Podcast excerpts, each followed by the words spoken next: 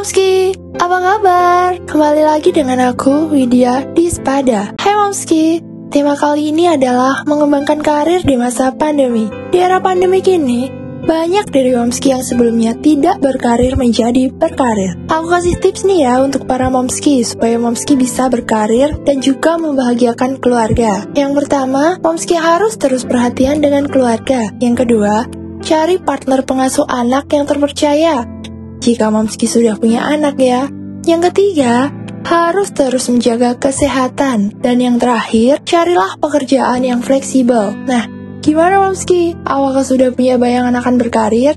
Semoga Momski semua bisa mendapatkan inspirasi dari tips yang aku berikan kali ini. Demikian perjumpaan dengan aku, Widya di Spada. Sampai bertemu di Spada episode selanjutnya. Terima kasih Momski. Mamski Radio, Mama Mia, Mama Asyik dan Ceria.